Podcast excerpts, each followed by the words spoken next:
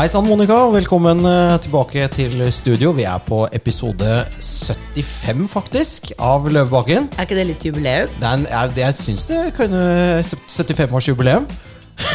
det er veldig bra. Og da er det bløtkake og hva er, det de pleier å ha da? Da de blir 75? bløde kake. Nei, Nei, når de er 75 år. det vet jeg ikke. Bløtkake og saft. Og jeg saft Ja, jeg vet ikke hva de får på gamle Nei, jeg vet ikke. Nei. Men, men Monica, vi, i dag så gleder jeg meg veldig, for vi har fått besøk av en kunstner. En ja, ekte kunstner. En ekte kunstner. Mm, Astrid Tonian. Som er skulptør, eller vi, er det skulptøse? Jeg vet ikke helt. Eh, skulpt, ja. hun, hun, hun er eh, skulptør. Eh, har jobbet med smykkekunst og metallfag. Eh, gått på Kunsthøgskolen, selvfølgelig, eller Knus og hærverk, som noen andre kaller det. Og eh, ja, stilt ut på novemberutstilling. Eh, og så er hun faktisk ble hun veldig kontroversiell i fjor. For da laget hun en sånn eh, veldig flott skulptur av en hvalross. Husker du den? Freia? Freia, Eller ja. Frøya? Ja. Freia. Og det likte ikke Det var, det var ikke bra. Eh, Eller jeg vet ikke helt hvorfor. Nei, det var, jo, det var jo så mye kontroverser rundt selve Freia som drev og la seg på sånne badeplattformer på dyre båter. Og senket båter i Oslofjorden Ja. som det skulle vært Tirpitz, eller ja. Veldig bra. Men eh, hva skulle jeg si, dette blir jo kjempespennende. Men eh, Monica, vi møtte jo henne her i Arendal. Det er jo, det er jo, det, det er jo litt derfor vi, vi har invitert Astrid hit. Ja. Det er riktig, fordi hun satt i panelet som hadde eh, ikke en debatt, men det de kalte en forsnakk. En forsnakk. eh, før utstillingen til Laila Bertheussen, som vi snakket om eh, i forrige podkast. Mhm. Og eh, jeg vet ikke helt hvordan det har gått med altså Hun solgte jo ganske bra, så er det sånn i forhold til Hva skal jeg si? Mm. Solgte mye heklevesker. Ja. Heklevesker? Hva det er Nå syns jeg du var ufin. Ja, ufin. Hva er det for Det noe? Nei, Det var, det det var laget av og pysj, pysj, pysjen av Tor Mikkel og sånn. Slipsene hans og underbuksene Tor Mikkel. Og Sengetøy fra fengsel og sånn. Ja, jeg så jo Tor Mikkel her på vei inn i First House her i forrige uke. Da gikk han i en sildetønne med buksesele på. Alle klærne hans har gjort om til, til håndvesker. Uff a meg. Nei, men Med sånne filler med sånn som er knyttet rundt eh, ankelen. Ja. Istedenfor galosjer og. Uff a meg. Nei, men uh, sorry, Monica. Vi, vi, får, vi skal jo bare stupe i det. Hei, Astrid. Velkommen. Hei, Mikkel og Monica. Ja, Takk for sist. takk for sist. Det var veldig gøy. Ja, og du ga inntrykk av at du drev med podkast istedenfor Tinder, så nå var jeg veldig spent på hva jeg skulle på i dag. Stemmer det? Det stemmer det. Sånn var Tinder. Det var Liksom- bare for sånn ja, Det var sjekketriks. Det var sjekketriks, eller når man går opp til noen og sier 'vil du være med i podkasten', så kan det komme litt feil ut, da. Ja, jeg ble jeg måtte bare- overraska at det faktisk var mikrofoner her. Det var det. Ja, det var det. Veldig bra. Veldig bra. Det er godt jeg er her som anstand, tenker jeg, Så så ikke blir noe tøys. Ikke blir noe tull og tøys her. Men, eh, men Astrid, du er eh, kunstner. Kan ikke du bare fortelle sånn kjempekort om deg selv? Bare sånn til lytterne. Hvem er du? Ja, eh, jeg er en skulptør, eller billedhugger. Um, det vil si at jeg lager skulpturer, former ting. Jeg er veldig opptatt av form og tenker i form. Så, og hvis jeg nå gestikulerer med hendene, så er det bare en sånn derre Mm. Jeg er født og oppvokst i en eh, kunstnerfamilie. Jeg er tredje generasjons eh, kunstner. Uh, født i Armenia. kom til Norge som femåring. Um, og så har jeg drevet med kunst hele livet. Uh, ja, og her er jeg. Fortsatt driver med kunst. Mm. Ja, og Astrid er jo et veldig norsk navn. Ja, det kan du si. Det er, eh, eller, det er egentlig ikke så norsk som folk tror. Det er veldig internasjonalt. Sånn som Jeg har også aner fra Latvia, og der er jo navnet mitt eh, Astra. Ah, Astra. Eh, I Armenia så sier man jo også det navnet, men bare at vi har en sånn skarre her istedenfor uh, r-en. Så eh, ja. Så, så, så, så det er et eh, ganske internasjonalt navn. Ja. Sier du Astrid? Ja, og egentlig var det en K på slutten der òg da jeg var barn, fordi alle små jenter eller små barn får en sånn slags ikk-endelse på navnene sine i Armenia. Eh, litt sånn som, jeg vet ikke, tysk, hvis du sier 'kjenn' på slutten, så er det sånn søtt og lite. Ja. Eh, og der har Medkjenn, du, ja, eller kleinkjønn. Liksom. ja, ja, ja, der har du en sånn 'ikk' på slutten. ja. Og den, eh, den var ganske Ja, så den tok jeg bort. Den der Astrik, ikke- Astrix ja, og ast- Ja. Obelix. Styrkedropper. Ja, ja, ja, ja, ja. Det er veldig mye ja. sånne, så da tenkte jeg nei, jeg får bare ha den voksne versjonen. Astrid eh, med skarre-r. Det er jo eh, i På vestkysten av USA så er det jo en kjempestor eh, koloni av armenere som er tror jeg, tredje generasjon etter dette folkemordet. Eh, som eh, da tyrkerne gikk inn i Armenia og drepte omtrent var det ikke fire millioner mennesker. Og så er det liksom egentlig veldig underkommunisert i historien i det hele tatt, akkurat dette som skjedde der. Men det var ikke derfor dere kom hit. Nei, det var uh, flere grunner. Uh, altså, vi gikk jo gjennom uh, Familien var jo gjennom en traume i forbindelse med jordskjelvet, som et av de største jordskjelvene i historien mm. som vi opplevde. Og, men og, ikke minst så var det jo veldig vanskelig å være frittalende og frittenkende i- under Sovjetunionen. Da. Så mine foreldre, som også var kunstnere, og min bestefar, som også var en anerkjent kunstner i Latvia, som jobbet mye med symbolikk i arbeidene sine. Han ble jo til slutt tatt til fange og um, torturert i, i fengsel fordi han, eh, han nektet å bøye seg for den, um, den rådende kunsten som skulle være en slags propagandakunst for, eh, for Sovjetunionen. Så, så det var veldig vanskelig å være utøvende kunstner. Eh, og det er nok eh, grunnen til at mine foreldre pakket og dro. Eller flyktet, kan du si. Det var jo ikke åpent. Nei, nei, de måtte jo stikke. Altså, Ja, ja. Det er jo, altså, For de som, altså, som, som ikke husker Sovjet, jeg gjør nesten ikke det heller, men eh, det var jo et så vellykket eh, politisk eh, eksperiment at de måtte mure folk inne i landet sitt for å få dem til å være der. Altså De laget altså en mur som gikk fra Finland og helt ned til Middelhavet. Og bak den muren der fikk da folk lov til å bo i lykke og, og, og kose seg i et uh, utopistisk eh, diktatur som eh, en del mennesker på norsk venstreside virker som savner veldig. Ja, det var jo egentlig ganske overraskende. Jeg tror mine foreldre ble ganske overraska da de kom til Norge og hørte litt sånn forherligelse av eh, mye av de idealene der. For, altså, nå var jo jeg ganske liten, men jeg rakk jo å oppleve å bli satt i skammekroken i barnehagen fordi vi ble jo bedt om å reise oss opp og lage en hyllest til Lenin, vår bestefar. Eh, Det er fælt å le av er disse tingene, altså, men det- det er, det er absurd å høre på, egentlig. Ja, og det her skjedde jo på, midt på 80-tallet. Jeg husker det veldig godt. Jeg var en tre-fire år gammel og allerede veldig opposisjonell, så jeg nektet å si at Lenin er min bestefar. For min bestefar het jo ikke det, så, så det nektet jeg å si, og da ble jeg satt i skammekroken.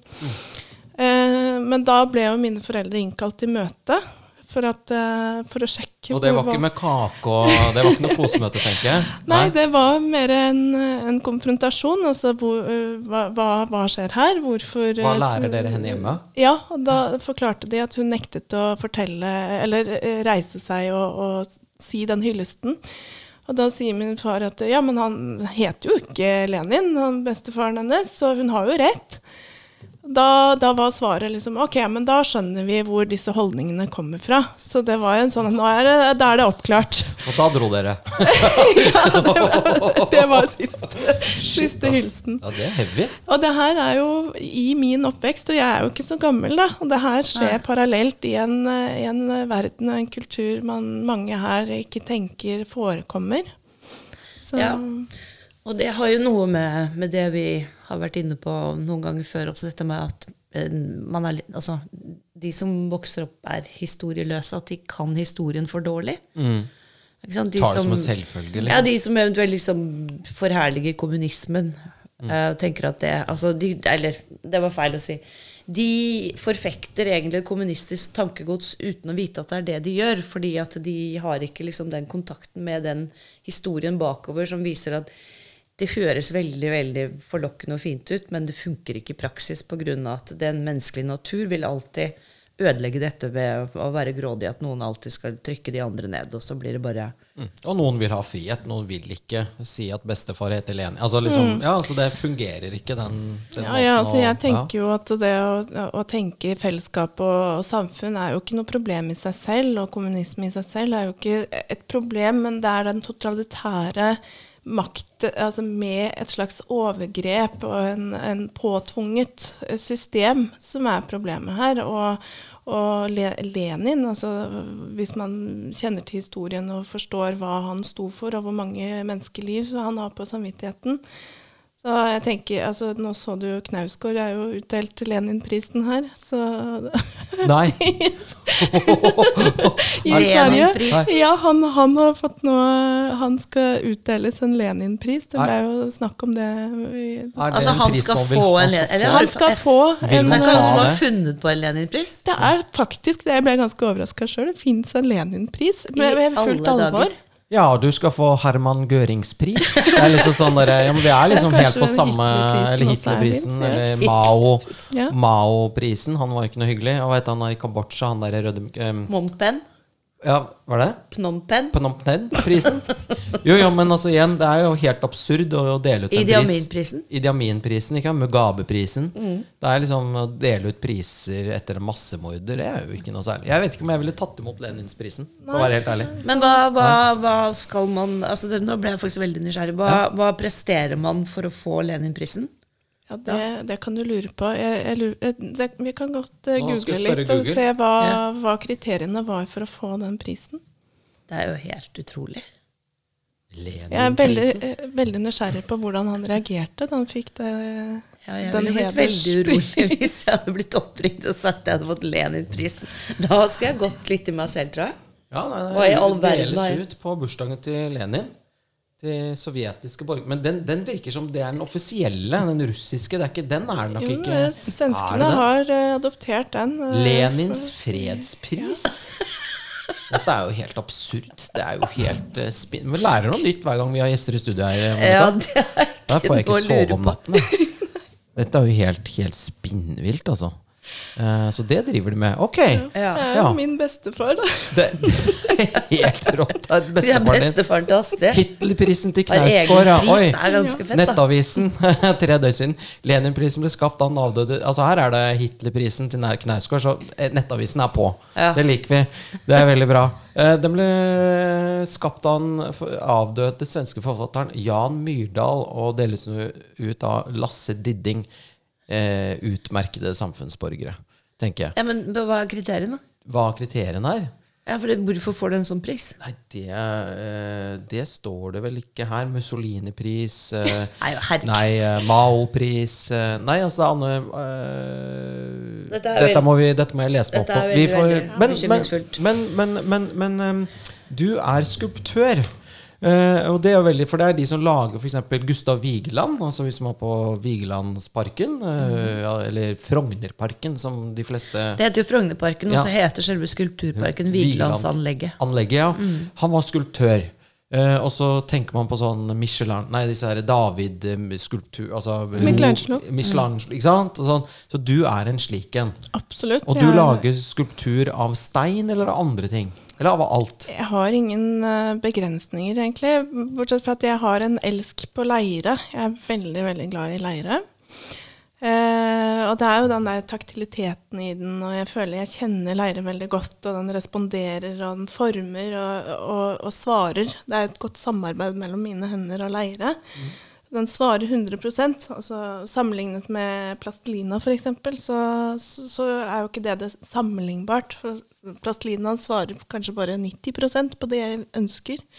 Så, så leira er jeg veldig glad i som et utgangspunkt. Og så kan man jo støpe det over i alle mulige materialer.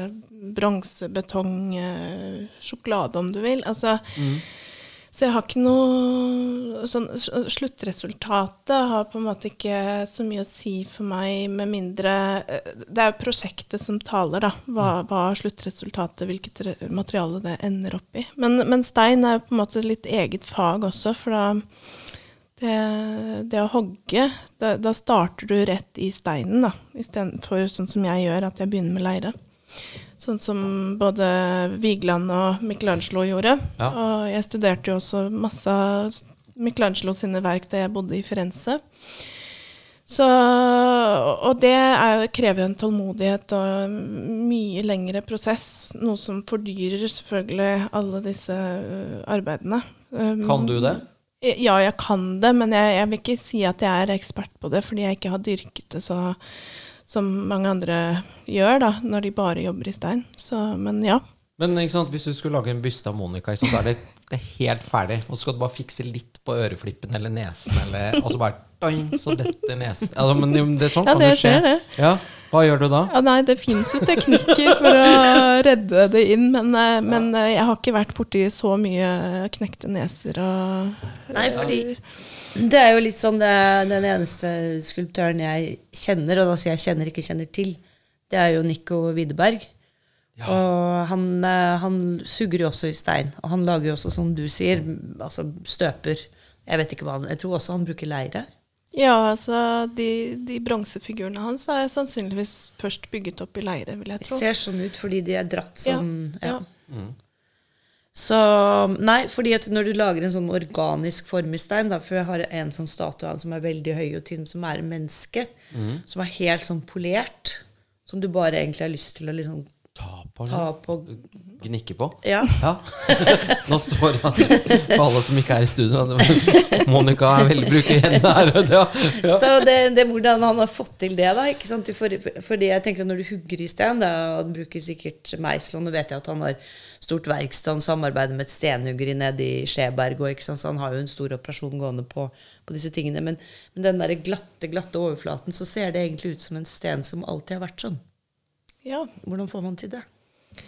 Ja, nei, altså for å få en sten glatt, så bruker man jo øh, maskiner og polerer, og, og det gjorde jo kanskje ikke Michelangelo, han brukte ikke maskiner, men altså, det, det er jo verktøy som du, du kan få den effekten.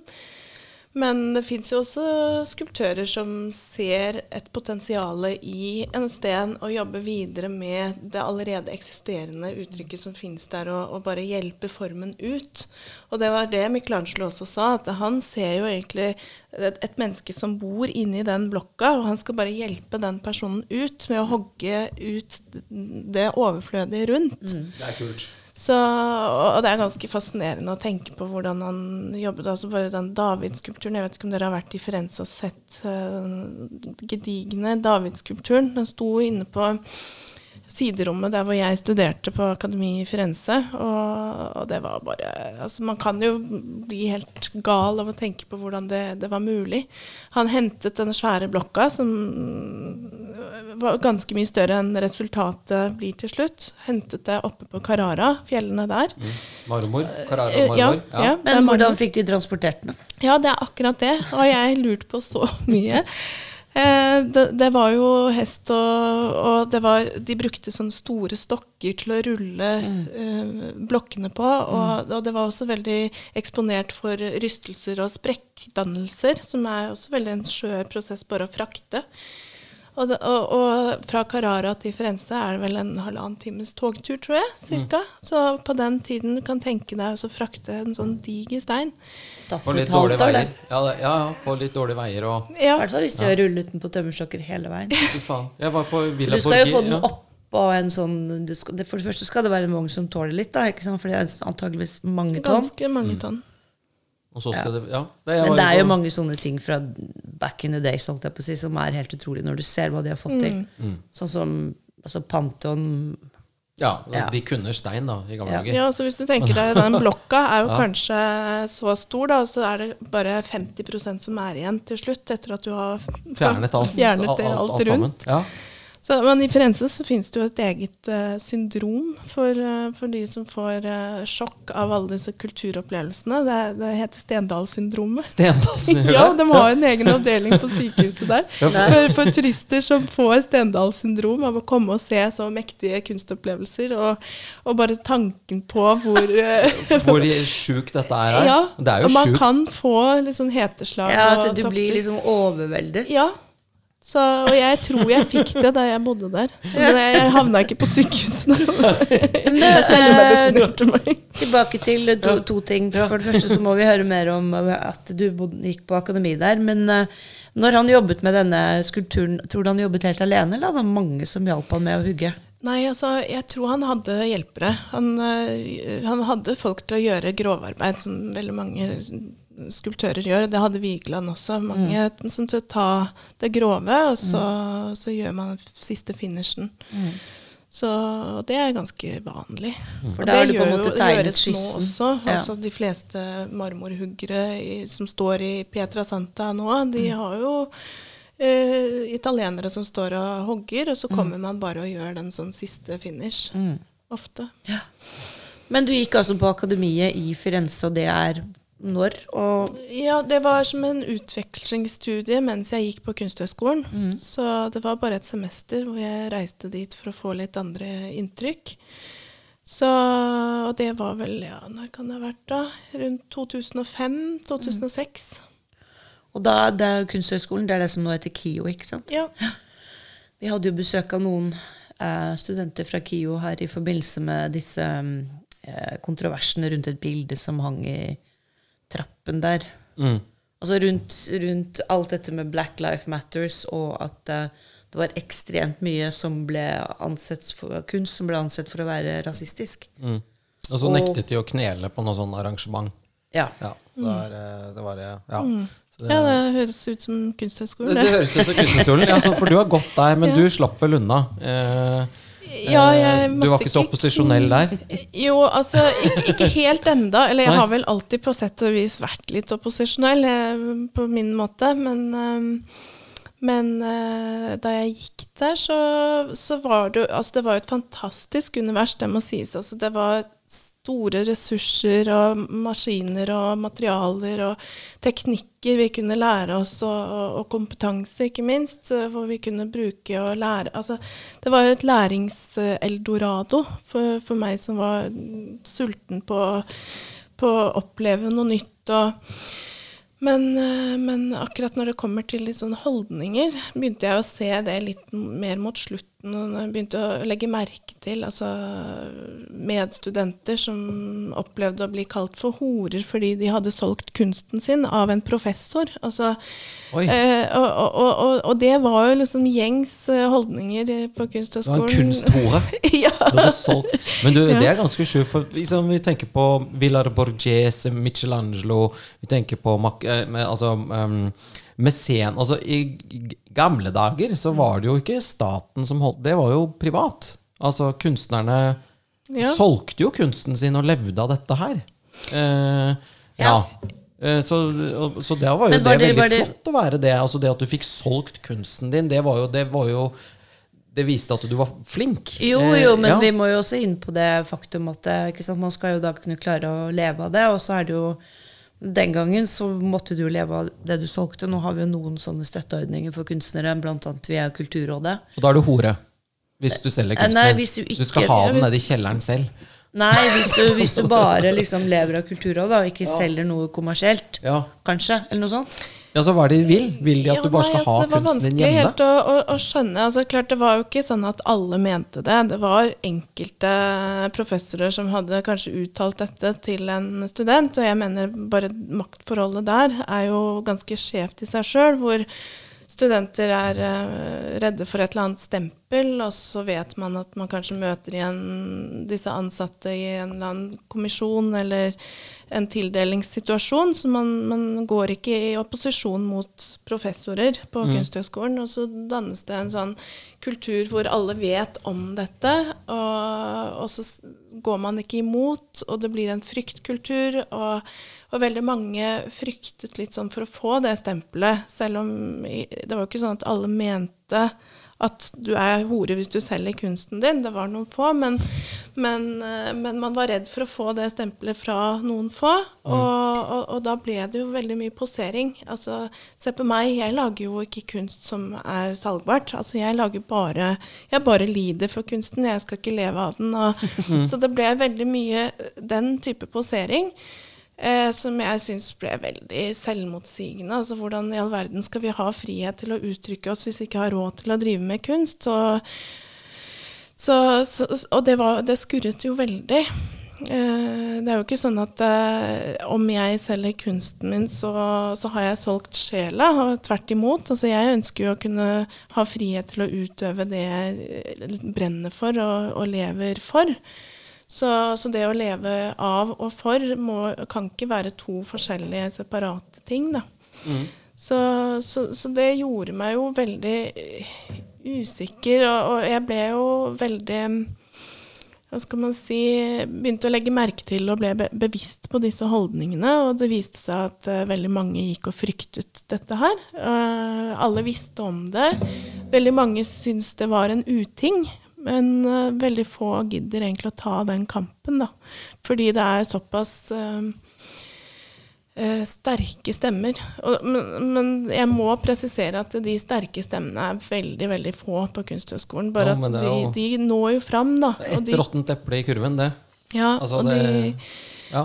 og, og, særlig når de knebler ledelse og, og går rett på ledelsen og, instruerer. Det er da det blir et problem.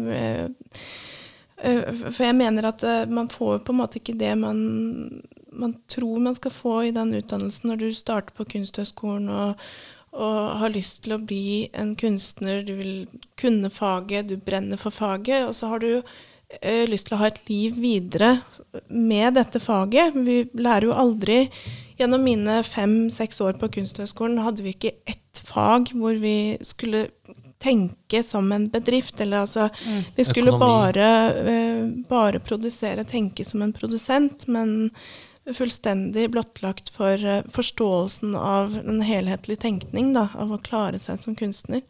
Så det manglet jo. Og, og du kunne jo ikke foreslå å innføre sånne ting. Det, Bedriftsøkonomi ja. pluss og minus regnskap. Jo, jo men, det, men det ja. burde jo vært eh, absolutt et fag. Ja, absolutt. Jeg ja, mener at Kunsthøgskolen uh, Fylle ut selvangivelsen og betale moms og, og sånn? Ja, jeg tenker uh, Kunsthøgskolen har jo et ansvar for å utdanne en, en, hel gjeng med kunstnere og sende dem ut i samfunnet uh, som skal kunne klare å, å, å stå på egne ben. Det, det er et selvsagt ansvar, men uh, det gjøres ikke. Og, mm, ja, for det, det, var jo en sånn ledende, sånn rådende sjargong at ja, men vi bøyer oss ikke for markedskrefter. Altså, det, altså, det skal ikke styre kunsten vår. Men jeg tenker de profesjonelle de klarer veldig fint å skille hva man skaper i kunsten, og ikke blande det inn med økonomien. Og, men ja, det er vel kanskje der vi har en svakhet, da, vi kunstnere. At vi er så følelsesstyrte at vi lar også følelsene prege eh, både drift og økonomi, istedenfor å tenke det som to separate enheter. Da. Mm. Altså selve utøvelsen og driftingen bør være to forskjellige ting. Da. Mm. Nei, for jeg tenker at hvis man er, da er kunstner, så vil jeg jo tenke at det ville være inspirerende at noen liker det du lager, og kjøper det og vil ha det hjemme hos seg, f.eks. Mm. Ja, mm. altså, ja, men jeg tenker at eh, men kunst er jo veldig stort, og, og det finnes jo veldig mye kunst som, som, Man kan ikke kjøpe det, det er en opplevelse, som jeg mener også er veldig viktig. Vi må ha støtteordninger som, som, som støtter opp under det for å, å kunne oppleve ting vi kanskje aldri ellers hadde opplevd. Men, eh, det, men, kunstfeltet er mye bredere enn bare det også. Så jeg tenker at um, altså det, det, som i første øyekast ser ut som du klarer deg sjøl, du lager et figurativt verk, så du, du trenger ikke offentlige midler, det, det, er jo på en måte litt sånn stigmatiserende. Fordi altså, selv om jeg jobber med et uttrykk som uh, kanskje veldig mange liker. Altså sånn, og lett, man tenker at det er lett å selge, så, så, jobber jeg likevel med veldig mange lag i mine arbeider. og jobber med store prosesser. Det er på en måte ikke bare det, den kroppen du ser, men jeg, jeg, jobber jo prosjektbasert og nesten på forskningsnivå, hvor jeg jobber som en antropolog. Jeg går inn i sosiale strukturer, jeg ø, undersøker et tema og, og jobbe bredt før jeg til slutt lukker formen og gjør den til fys et fysisk arbeid og kanskje en åpen tittel som skal få en til å reflektere. Så, så jeg har egentlig ganske mange lag, og, og, det tar veldig lang tid å produsere noe sånt. Så jeg, jeg ville også vært veldig avhengig av slike støtteordninger. Som, som veldig mange andre man, man tenker ikke har salgbar kunst. Fordi en privat kunde ville aldri hatt mulighet til å finansiere så omfattende arbeid som jeg gjør per prosjekt. Ja, du kan ikke bare lage byster av direktører og tjene penger på det. Nei, du må også ha litt tid til å utforske ja, andre ting. Er klart, jo, er sånn, ja. Hvis du skal finansiere et sånt prosjekt, så kan det godt hende at du kommer til det konklusjonen at du får ikke laget noe av det. Ja, nei, altså ja, Det vil jeg jo tro at noen ganger at du liksom jobber med et prosjekt, og så bare tenker du dette gjør jeg ikke. Fullfører ikke. For det ble ikke sånn jeg hadde tenkt? ja, ja, det er mange prosjekter man uh, kasserer underveis, mm. og det ble ikke sånn som man har tenkt. Fordi man jobber veldig impulsivt som kunstner, og du følger en eller annen idé som er veldig abstrakt, og så mm. prøver du å gripe det konkrete underveis, og så blir det jo aldri helt sånn som du har tenkt. Noen ting blir jo vellykket, andre ikke. Men mm. uh, men jeg legger jo veldig mye stolthet i arbeidet jeg gjør, for jeg bruker veldig mye tid og mye av min egen sjel i dette. Så, så det er jo ikke sånn at jeg ville på liv og død bare solgt det for enhver pris. Altså jeg, Føler jeg ikke at jeg er 100% fornøyd med det, så vil jeg jo helst ikke offentliggjøre det heller. Så, så, jeg har jo min egen selvsensur, og mm. den tenker jeg at vi, vi kompetente mennesker bør ha den tilliten til at vi klarer å å styre oss selv, mm. og, og, at vi ikke trenger et kulturråd til å fortelle oss at nei, du, hvis du selger veldig mye, så er du veldig ukritisk, og det blir litt sånn kommersielt. Men, ja. men vi, vi, er jo faktisk profesjonelle, mange av oss, og, og vi vil jo ikke bare offentliggjøre ting sånn som, som man kan stå inne for. Ja. ja. Nei, så Da er jo spørsmålet sånn som uh, du som da, da skal jeg på en måte ha livnære deg av kunsten, da. Eh, og kan man da liksom ha barn, og, eller må man ha en ektefelle som har fast jobb? Eller må man liksom, hvordan, hvordan får du dette til å, å, gå opp for din egen del? Altså, jeg personlig det, det, Alle har jo hver sin formel på dette her. Og, og livet styrer også litt hvordan formelen blir underveis. Nå, nå, er jo jeg veldig heldig og har en mann som er min største fan, og, og har også en trygg og fast uh, jobb, så han er jo den stabile parten her. Um, og vi har barn. Det har jo krevd Det å være en kvinnelig kunstner er jo veldig krevende. Det, det er mange år av ditt liv som på en måte går til å dedikere til familielivet. og Uh, når jeg fordyper meg inn i prosjekter så Familien min sier jo at jeg forsvinner jo i en boble. Så jeg er jo ikke en del av familien når jeg er i mine bobler. Ja. Og, og, det er jo ikke forenlig alltid med et familieliv, særlig med bleiebarn eller andre uh, Ja, Eller de skal på skolen, og de skal på aktiviteter. Ja, ja det er veldig mye som skal følges opp, og tiden er veldig strukturert, så det er ikke så lett å forsvinne i de boblene eh, sånn uhemmet til enhver tid når, når det passer en sjøl. Mm. men jeg merker jo at eh, klart, de blir jo eldre, og nå har jeg ei som er 15 år og ei som er 11, så det hjelper jo litt. Men å være småbarnsforeldre og kunstner, det er nesten det er så å si umulig. Så hadde det ikke vært for mannen min, så hadde det vært omtrent umulig, fordi jeg har så store, dype bobler, og uten kulturrådmidler så kan jeg ikke fordype meg. Eh, klart Jeg har jo også vært heldig og fått litt sånn melk og brød-prosjekter, som jeg kaller det. Altså portrettoppdrag og sånne ting hvor det er veldig konkret. Du har en oppgave den skal ligne, og sånn så er du ferdig. Mens mm. de mer frie prosjektene mine krever mye mer mm. av meg, da. Forsvinner du inn i et sånt uh, verksted, i, i, altså på en måte du, og så plutselig så kommer du ut uh, ja. med bustete hår, og, ja. og, barnet ditt har begynt i fjerde klasse, liksom? Eller ja, er det sånn at, ja. Jeg er ikke så langt unna. ja, ja. Jo, men altså, du, for du, du, blir, du blir helt Du bare blir ja. helt oppslukt av det du driver med, da. Ja, jeg ja. kan både forsvinne fysisk og psykisk i, et, uh, i en sånn boble. Uh, fysisk er at de ikke ser meg på en stund, men, men mentalt så jeg kan jo være til stede i en familiemiddag, men hodet er helt andre steder. Og da sier de at 'mamma, nå ser jeg på øynene dine at du er i den bobla'. Ja, nå lager du skulptur. Ja, ja, ja. ja, så jeg kan liksom plutselig stå opp om natta og ha den ideen. Og altså, eh, en idé kan også modnes over tid og mange år eller eh, opplevelser, men Mm. jeg kan også plutselig stå opp om natta og ha et helt prosjekt ferdig i, i løpet av bare noen få timer, og så skriver jeg som en gal, eller få, få det ned før det forsvinner, for det er Mm. veldig flyktig. Alle ideer er veldig flyktige. Jeg er enig i det. Man kan tenke ut noe genialt, særlig på nattestid. Og så morgenen Ja. etter så er sånn, Eller når vi sitter og diskuterer over rødvin, eh, Monica. Fy faen, hvor mye verdensproblemer vi, vi har løst. Var bare, ja, Men det hadde vi ikke kommet noen vei med, vet du, for vi, vi, vi bestemmer ingenting. Mikkel, Nei, nei, vi husker jo heller ikke de geniale løsningene. Vi, det er sant. vi husker at det var smart, da. men Ja. eh, jeg er jo da liksom på det konkrete her. fordi at det, eh, Når du jobber med skulpturer og leire, og sånn, så det må, du må jo ha et verksted. ikke sant? Altså, Så tenker jeg hvis du bor i Oslo, da. Det er fader meg ikke billig noen ting her. ikke sant? Så skal du leie deg et sted og ha verksted. For jeg vet jo sånn som Tommy og Ina, eller i hvert fall Tommy har vært på Grini mølle. Eh, og jeg har vært der og besøkt av både han og Vebjørn og sånn, og det, det er ikke noe sånn Det er jeg si? ikke gratis. Nei, det, det er ikke gratis, og ikke er det, ikke er det spesielt. Altså, det er kummerlig. Mm. Ja, og skulptur er kanskje noe av det dyreste du kan gjøre innenfor kunsten. Altså, en, en maler eller en tegner har jo bare ikke så mye utgifter som en skulptør.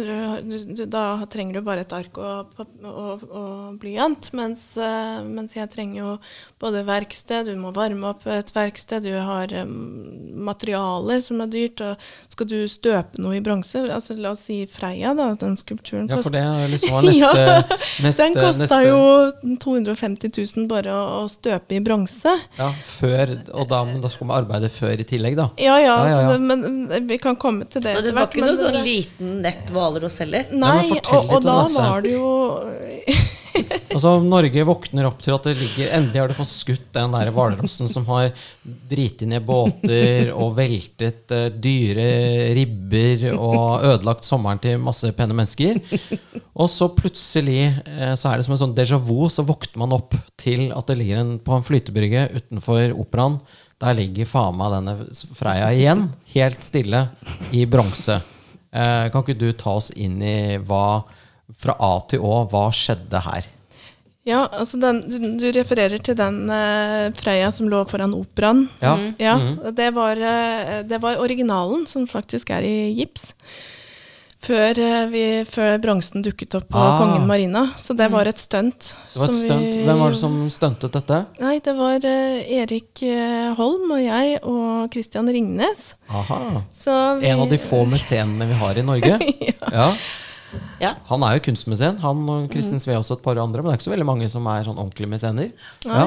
nei, Nei, for, men hele dette Freia-prosjektet var et spleiseprosjekt. ikke sant? Det var innsamlingsaksjon, var det ikke det? Ja, altså nå øh, Det var jo Erik Holm som dro i gang og lagde en spleis for å markere en protest mot myndighetens øh, beslutning om å avlive Freia. Og hvem er Erik Holm? Bare sånn Erik Holm han er en ung eh, gutt, eller ung mann, kan man si, eh, som er veldig samfunnsengasjert. Og han har en eh, Ja, altså hans bakgrunn er vel Han har jobbet med PR, vil jeg tro, eller sosiale medier. Eh, veldig dyktig på det, og han tenkte at eh, han ville bruke sin kompetanse til noe nyttig i det her, så han, han er jo en ildsjel.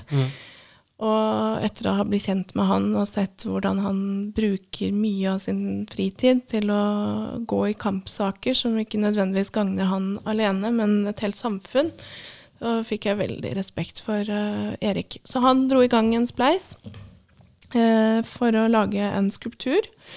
Og det gledet jo skulptør, eh, et skulptørhjerte da jeg så dette her. og tenkte at eh, wow, det er eh, altså folket selv som har lyst til å bruke kunst som en markering eller som et læringsverktøy i en protest altså, det er jo kunstnernes drøm at uh, folket også ser verdien av dette her. Ja, ja. Um, men, uh, men det, jeg visste jo allerede da at jeg kommer til å få trøbbel i kunstbransjen. Da, fordi vi, vi, skal jo definere kunsten selv, og vi vil jo ikke at folket skal ta initiativ til sånne ting. Nei, sånn, plebeierne sånn skal ikke få lov. De skulle få en abstrakt hvalross ja, som så ut som uh, en plastikksekk med noe plastikk som står ja, altså, ja, så vi skal ikke gi dem den æren at de kommer på sånne geniale ideer ser. Faen meg. Men, eh, men da Det er ikke vanlig folks tur i kunst, i hvert fall. Nei, og, og, vi vil ikke ha eksempler på der det går bra da, i det samarbeidet mellom en kunstner og, og,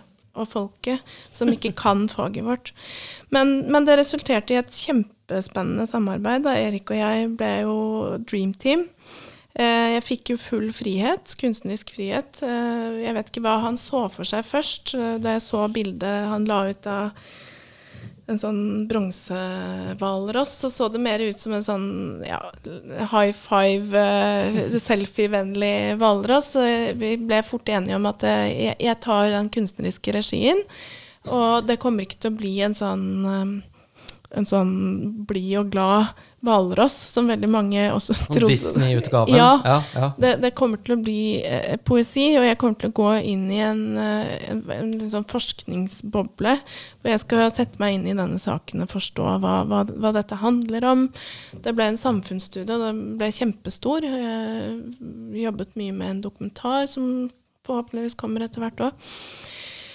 Eh, sammen med en veldig dyktig dokumentarist. Men eh, iallfall Så jeg fikk jo full kunstnerisk frihet, og, og, jeg mener det er også et eksempel på hvordan eh, man fordeler oppgavene sånn som vi gjorde, da. At han tar seg av markedsføring og innsamling, og så tar jeg meg av det kunstneriske, og så, og så samarbeider vi godt. Og det ble jo Ja, det ble akkurat sånn som jeg hadde tenkt. Altså, det skulle bli en hvalross som ligger på et vippepunkt mellom du, du, skal ikke helt skjønne om hun sover eller er død, da. Mm. Og det er det veldig mange som har sagt. Den er litt sånn trist? Ja, klart. Ja. Det, er, det, er, jo et poetisk uttrykk. Og det er, historie, altså det er jo en slags dokumentar på den faktiske hendelsen. Mm. Og den faktiske hendelsen var jo ikke en gladsak. Så, så det var jo bare en, et portrett på saken, da. Men det ble, hva var Ringnes sin rolle i dette? Ja, Da kom han inn. altså Tidlig i prosessen da jeg startet med prosjektet, så var jeg på en, en eller annen sammenkomst sammen med Christian Ringnes. Nå kjenner jeg han, Jeg kjenner han fra før av og har kjent han i mange år.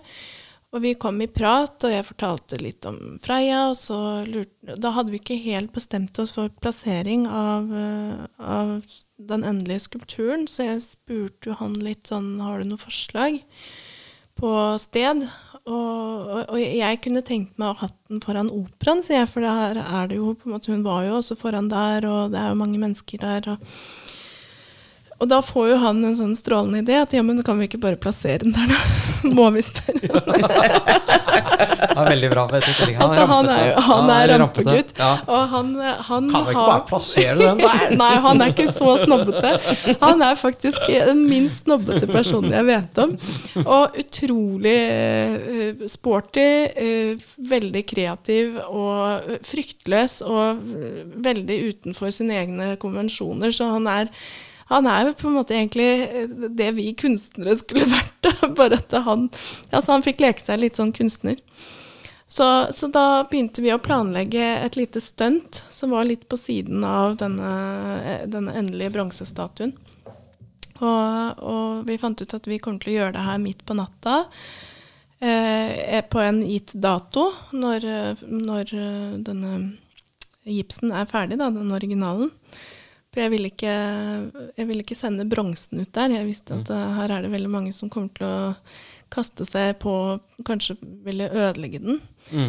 Så, så, da tenkte jeg at med den i sikte skulle jeg lage den. Da hadde du støpt en form, så du hadde den, liksom?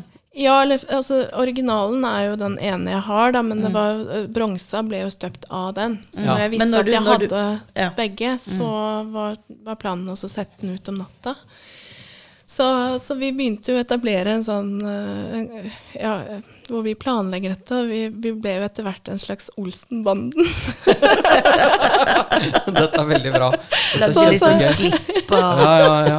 Så den planleggingen var jo så hemmelighetsfull, og vi, vi lekte at vi var Olsen-banden, så jeg ble jo Valborg. Og, og så vi hadde jo Kjell og Benny og Egon. ja. Eh, Hvem, hvem var Ringnes? Var han Benny, eller? ja, vet du hva, han ville være Kjell. Han ville være Kjell, ja. Det er jævlig bra. I love it. Fy faen, så kult. Det er helt rått. Og så, um, når dagen kommer, da, eller natten, og jeg var jo så nervøs da jeg kjørte innover der og skulle Vi hadde jo da eh, alliert oss med noen veldig proffe dykkerfolk som skulle Det er operasjon. Ja, dette var veldig. Ja. uh, og de var superproffe. Uh, jeg organiserte rundt alle disse her eh, folka. Vi skulle møtes den natten. Og Christian Ringnes hadde også en som organisator med seg. Og det var jo skikkelig jeg, jeg, jeg var så nervøs. Jeg tenkte at hvis vi blir tatt nå, så er jo hele greia uh, busta, og hele Ja, stuntet går går i vasken. Ja, ikke fordi jeg var så redd for at det var så kriminelt, for det var jo en veldig uskyldig liten sak. Men jeg tenkte da, da da er jo halvt års arbeid eh, rett i vasken. Og så får jeg en, et koordinat hvor vi skal møtes. Disse her anleggsgutta hadde jo gjort research. Dette er Koordinat, Det er sånn, faktisk. eh, Operasjonen er tima og tilrettelagt. Ja, ja, ja. Synkronisere var klokker og greier, ja. Ja, dette Ja. var ikke tilfeldig. Så disse gutta hadde jo gjort research i forkant og hadde rekognosert området, dykka rundt og sett på bunn, bunnforholdene og, og, og også plasseringen, at det ikke skulle komme i veien for båttrafikk og ikke i veien for mennesker. Og, ja. Så det var en veldig sikkert og trygg løsning. og og, og så møtes vi da på denne koordinatet, da, så, og, og jeg tenkte at vi må sikkert møtes litt sånn utenfor, på litt sånn mørk konteinerhavn. Um, for vi skulle møtes ved Bjørvika et sted. Og så følger jeg bare GPS-en, og jeg kjører inn, og søren meg, så møter altså, Og det, sluttpunktet er jo rett foran Munch-museet. Ja. Altså, det Ja, ja. lyser Munch rett i trynet på deg på den havna der. Eh, og, og, og der møtes jo vi, Olsen-banden, Kjell og Benny og Valborg er samlet. Og så kommer denne, disse anleggsgutta med svær semitrailer. Og em, de har med seg en svær svart flåte som skulpturen ligger på, og en eh, svart ribb. Altså, nå møter Olsen-banden James Bond-gutta, liksom. Ja, ja, ja. Dette er jo hyperteater i seg selv. Egentlig så er jo det der er jo i seg selv et eh, teater eller Ja, det var det Ble dette dokumentert? Eller Det ble dokumentert. Veldig Vi hadde med. Ulf Myhrvold, som er en uh, fantastisk naturdokumentarist, eh, som har filmet hele prosessen. Ok, Så dette kan man Kan Dette det bli er- noe av? Ja, ja. Kommer i den dokumentaren du snakket Ja, om. ja, ja. Fett. Så det er en Det er stor del av hele prosessen. Veldig, veldig bra. Eh, nei da, så, så, så da kjører de denne på plass, og, og vi står der, og jeg holder på å le meg i hjel, for hele er så komisk eh, oppi alt dette alvoret. Men, eh, men eh, ja, det var jo mye galgenhumor. Så dagen etter ble vi jo enige om at vi går i dekning, fordi det var jo ikke akkurat eh, verdens største hemmelighet at jeg skulle lage Freia-skulptur. Det var jo smurt utover alle aviser halvt år fram for i tid, så, så vi visste jo at jeg kommer til å bli Oppringt, ja. Ja, ja, og mistenkt for dette stuntet. Så planen var at vi går i dekning, og hele den uh, påfølgende dagen ringte altså telefonen i ett kjør. Så jeg, jeg var, forsvant inn i skogen og var helt utilgjengelig. Og da ble det jo full forvirring. Men så var det meningen at man liksom ikke skulle vite helt hva dette var? Dette var Ja, ja, en sånn det skulle jo forvirre. Altså, ja. Folk skulle jo lure, og vi skulle jo se litt på dette som en ny samfunnsstudie, og se hvordan er reaksjonene på en skulptur da, kontra en levende hvalross. Mm. Og overraskende nok så var jo reaksjonene ganske så like. Altså, vi fikk jo alt fra at eh, nå kommer vi og vi skal ødelegge denne skulpturen, og hva fader er dette for noe, fjern den. Og den ble jo til slutt fjernet av sikkerhetsmessige årsaker. Selvfølgelig. Så det var for menneskets sikkerhet ble den fjernet. Ja, ok, og hvem var det som tok den avgjørelsen? Ja, det var uh, Oslo havn Ja. som gjorde det. Og, og, og klart. det endte jo med at øh, vi Jeg var jo veldig krass først, da, så jeg syns jo det var helt unødvendig at de skulle gå inn og fjerne en uskyldig skulptur på den måten. Eh, en ny reprise av øh, hele Freia-saken. Men øh, vi kom jo i god kontakt, altså hun er kommunikasjonsansvarlig på Oslo havn, og vi kommuniserte veldig godt etter det. Så endte jo med at jeg eh, fikk disse Oslo havn-gutta til å komme og hjelpe meg med montering av bronsen også, da. Det er bra. Så det endte liksom godt, Ja, da. ja. det gjorde det. Og det viser jo også litt det menneskelige i det, som jeg også har prøvd å dokumentere i hele prosessen, hvor, eh, hvor eh, ja, Freia-saken starter med at det er en sånn voldsom sinne mot Frank Bakke-Jensen som tar en sånn beslutning, og han blir et hatobjekt i miljøet. Og, og, Ja, han som eh, beordret at den skulle Ja. tas ut, som de sier ja, så pent. nettopp. Ja. Så, så, Ja. så da blir det liksom et sånt hat mot enkeltpersonen. Men, men også denne saken her med Oslo havn som viser at eh, myndighetene, myndighetene tar en beslutning basert på hva et totalt samfunn står for, da, og, og hvilke forventninger samfunnet har til mandatet. Mm. Så det er jo ikke enkeltpersonen alene som står ansvarlig her, men det er jo Systemet. systemet. Ja, ja. Så, så, så, ja, så jeg syns det var veldig interessant å se parallellen også med hvordan vi håndterte det med Oslo havn, og, og se menneskeligheten bak det. Og de syns jo egentlig prosjektet var kjempekult. Altså Når du kommer i kontakt og prater de. med de, så syns de jo at det var veldig gøy. Veldig. Ja, ja. Så det kan jo hende de også hadde det veldig gøy når de fjernet det, for de også gjorde det om natta. Ja, de gjorde det, ja. Så, men, så kanskje eh, de kjørte men, den eh, Olsenbanden. Men sånn som da Freia, som da suste rundt eh, en stund inne i fjorden her, hva, hva tror vi hadde skjedd med henne hvis hun ikke hadde blitt uh, avlivet? Nei, altså, nå var det jo sånn at uh, den dagen hun ble avlivet, var jo siste dag i fellesferien.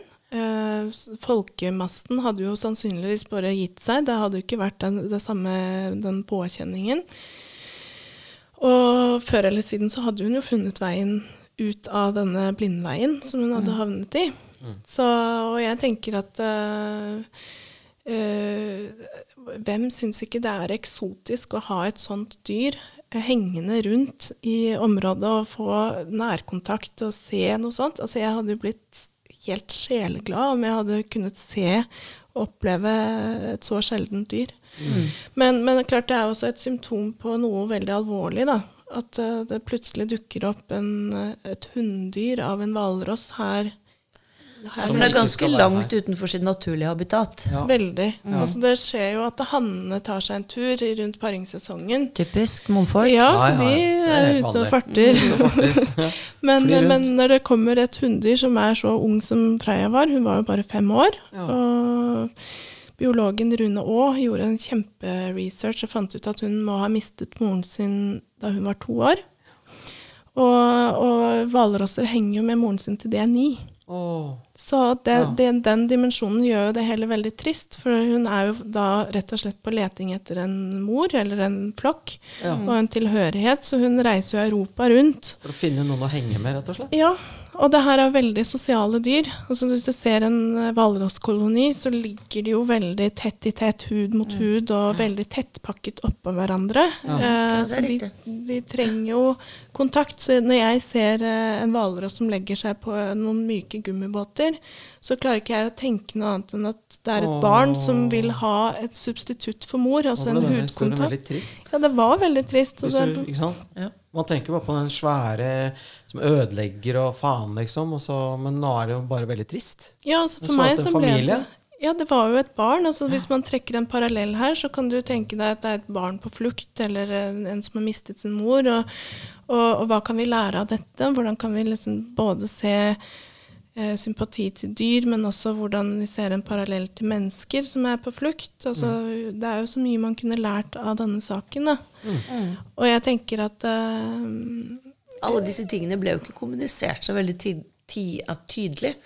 Nei, jo, det ble forsøkt, men det, ble, det forsvant i mengden av kommunikasjon. For det ble jo ekstremt mye kommunikasjon. Så Rune Aa, som var på ballen hele tiden, og brukte hele sin sommerferie hva var det han sa? 300 intervjuer gjorde han i løpet av den sommerferien på, midt i sin private tid for å prøve å redde henne. Det var jo mange som misforsto signalene og trodde at hun var syk, hun ligger der med rødsprengte øyne. Men han som biolog sier at det er helt naturlig en hvalross på 600 kg som står opp ned og spiser 40 kg muslinger eh, i flere timer, trenger eh, tolv timers søvn og, og er rødsprengt i øynene. Ja. Ligger der og ser død ut. Og så er det veldig mange som sier ja, men stakkaren ser død ut, eller Mm. ser syk ut. Vi må avlive av godhetsfølelsen vår. Altså, ja, ja. Den første tanken er jo alltid å avlive, Mm. mm. istedenfor å tenke kunnskap og gå til kilder som kan dette. Mm. Og her hadde vi en biolog som prøvde å kommunisere. Han gjorde alt han kunne. Og ennå så, så forsvinner folk i sin, sin hysteriske Sett for mye Walt Disney, vet du. Ja. Ja. Jo, Det blir jo litt sånn at Jo, stakkar men og også, den, også det at ja. man, jeg tror liksom man, det er så ukjent, for, som du sier. Ja, ikke sant?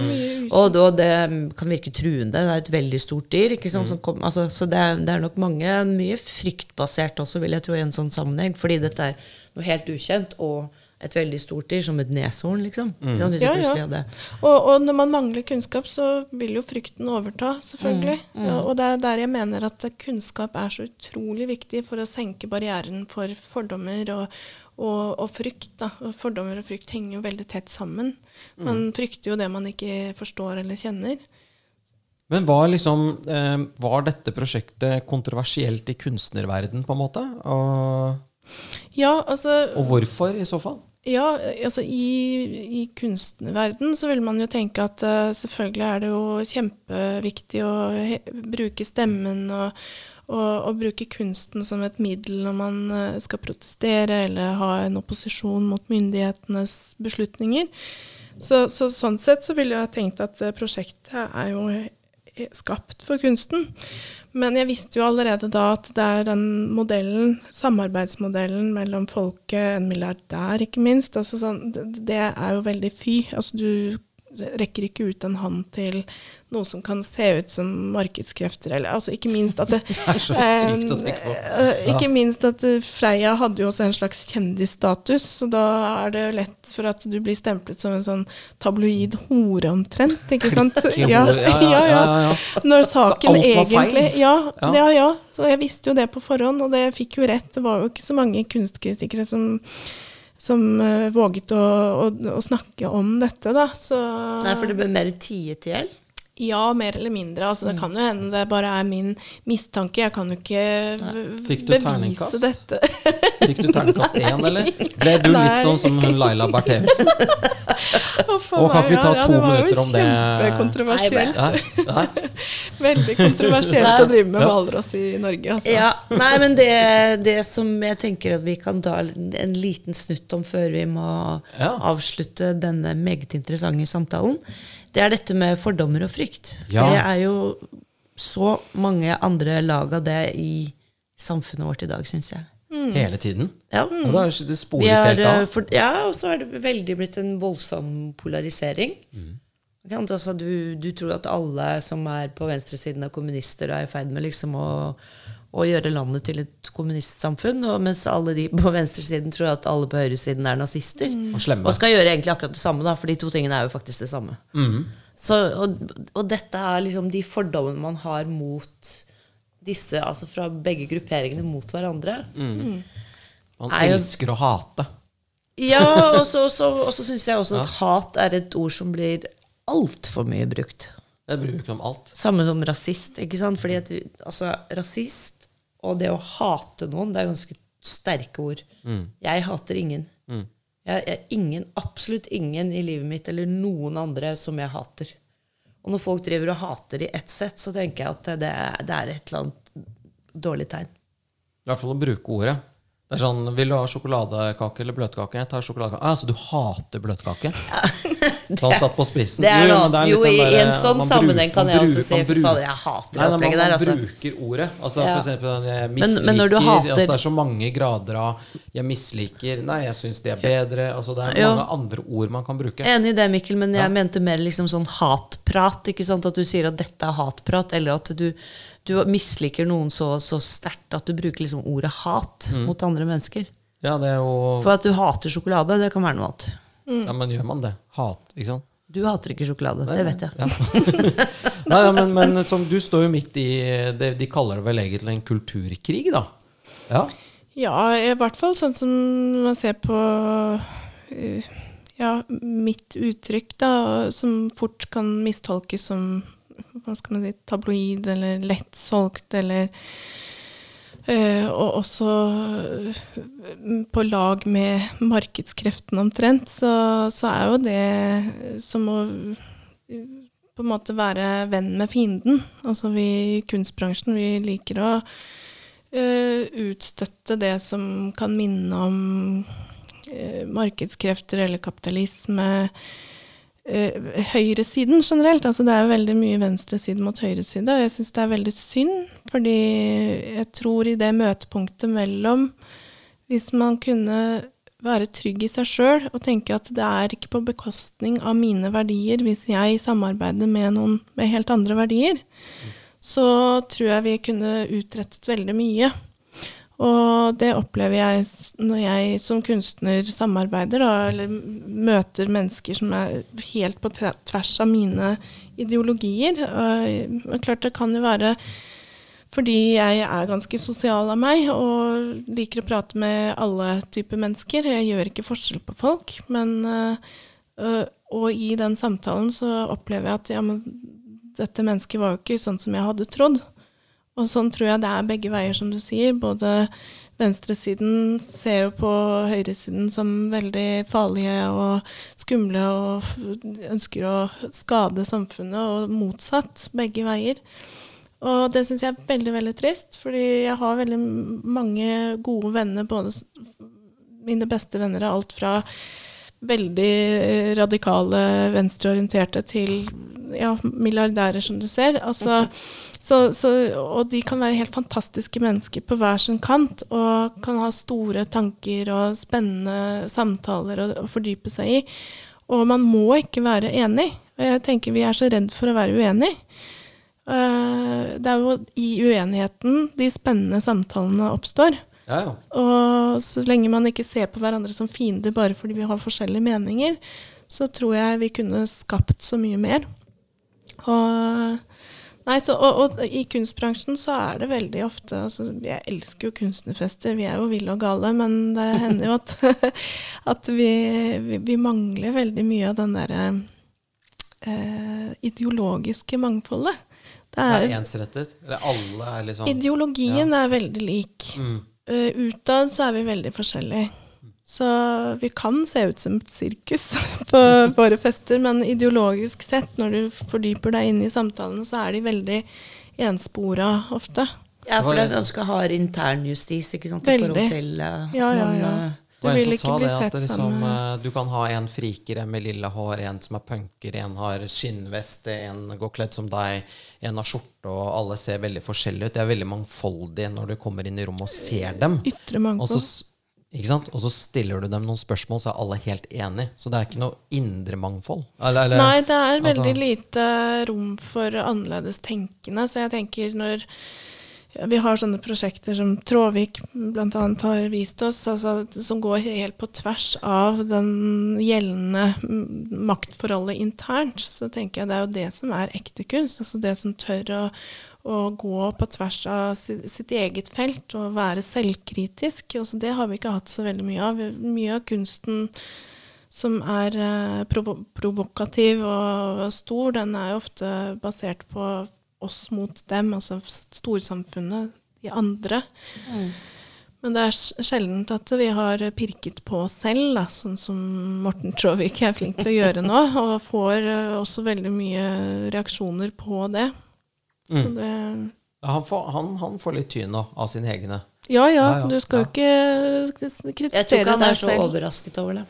Nei, og så er virker ikke han som han er så veldig redd for det heller. Nei, absolutt ikke. Og han er jo en kriger, og han er jo beintøff. Men jeg tenker allikevel i en sånn stor krig så er det viktig at man får støtte fra, fra folk som er enig i budskapet, og, og på en måte øh, støtter budskapet. For jeg tror det er allikevel en ganske stor og taus masse som står og ser på denne krigen og lar noen enkelte få kjempe den kampen alene. Ja, han virker jo sterk, og han virker trygg, og da, la han få ta den drittjobben. Ja, så slipper han, vi. ja, men han gjør jo den jobben på vegne av en hel masse, og det er eh, mye prinsipielle kamper han tar, som også vil gagne hans meningsmotstandere. Så jeg tenker at eh, alle som eh, ser en verdi i den kampen han kjører, burde egentlig bare sende en tommel opp til han eller en mail. Bare vise at vi, vi er flere som ser dette. Eh, og det tror jeg veldig mange frykter. Da. Vi er, det er en veldig sånn taus gjeng. Ja, det er jo akkurat det samme som vi har opplevd mange ganger. ikke sant? Idet du stikker hodet frem og sier noe som veldig mange egentlig er enig i, men som ingen tør å si, så er de veldig glade for at noen gjør det. Men, eh, men de tør ikke det selv, fordi de er redde for represalier. Og. Så det, det er liksom det samme overalt når du har en sånn type internjustis. da. Eller at folk er redd for bevilgningen sin, Ja. eller jobben sin, eller ikke sant? Men det kan man jo også forstå. Altså, det er jo menneskelig å være redd. Og det er jo menneskelig å, å ikke ville seg selv vondt. Men da tenker jeg at da har du jo også et valg hvor du kan ba- bare bli i bakgrunnen der. Du trenger ikke å ta den kampen, men bare gi en liten sånn heia til den som gidder å ta den dritten for deg.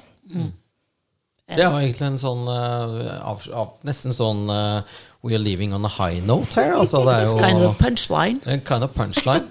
um, jeg, hadde jeg vært, uh, vært Christian Ringnes, eh, milliardær, så hadde jeg da fått eh, deg til å lage sånt forsoningsmonument mellom høyre- og venstresiden. Ja, eh, som skulle stå i Oslo på et eller annet sånt helt Det skulle være jævlig svært, sånn sovjetaktig. Sånn enormt, så du så det når du kjørte inn til Oslo.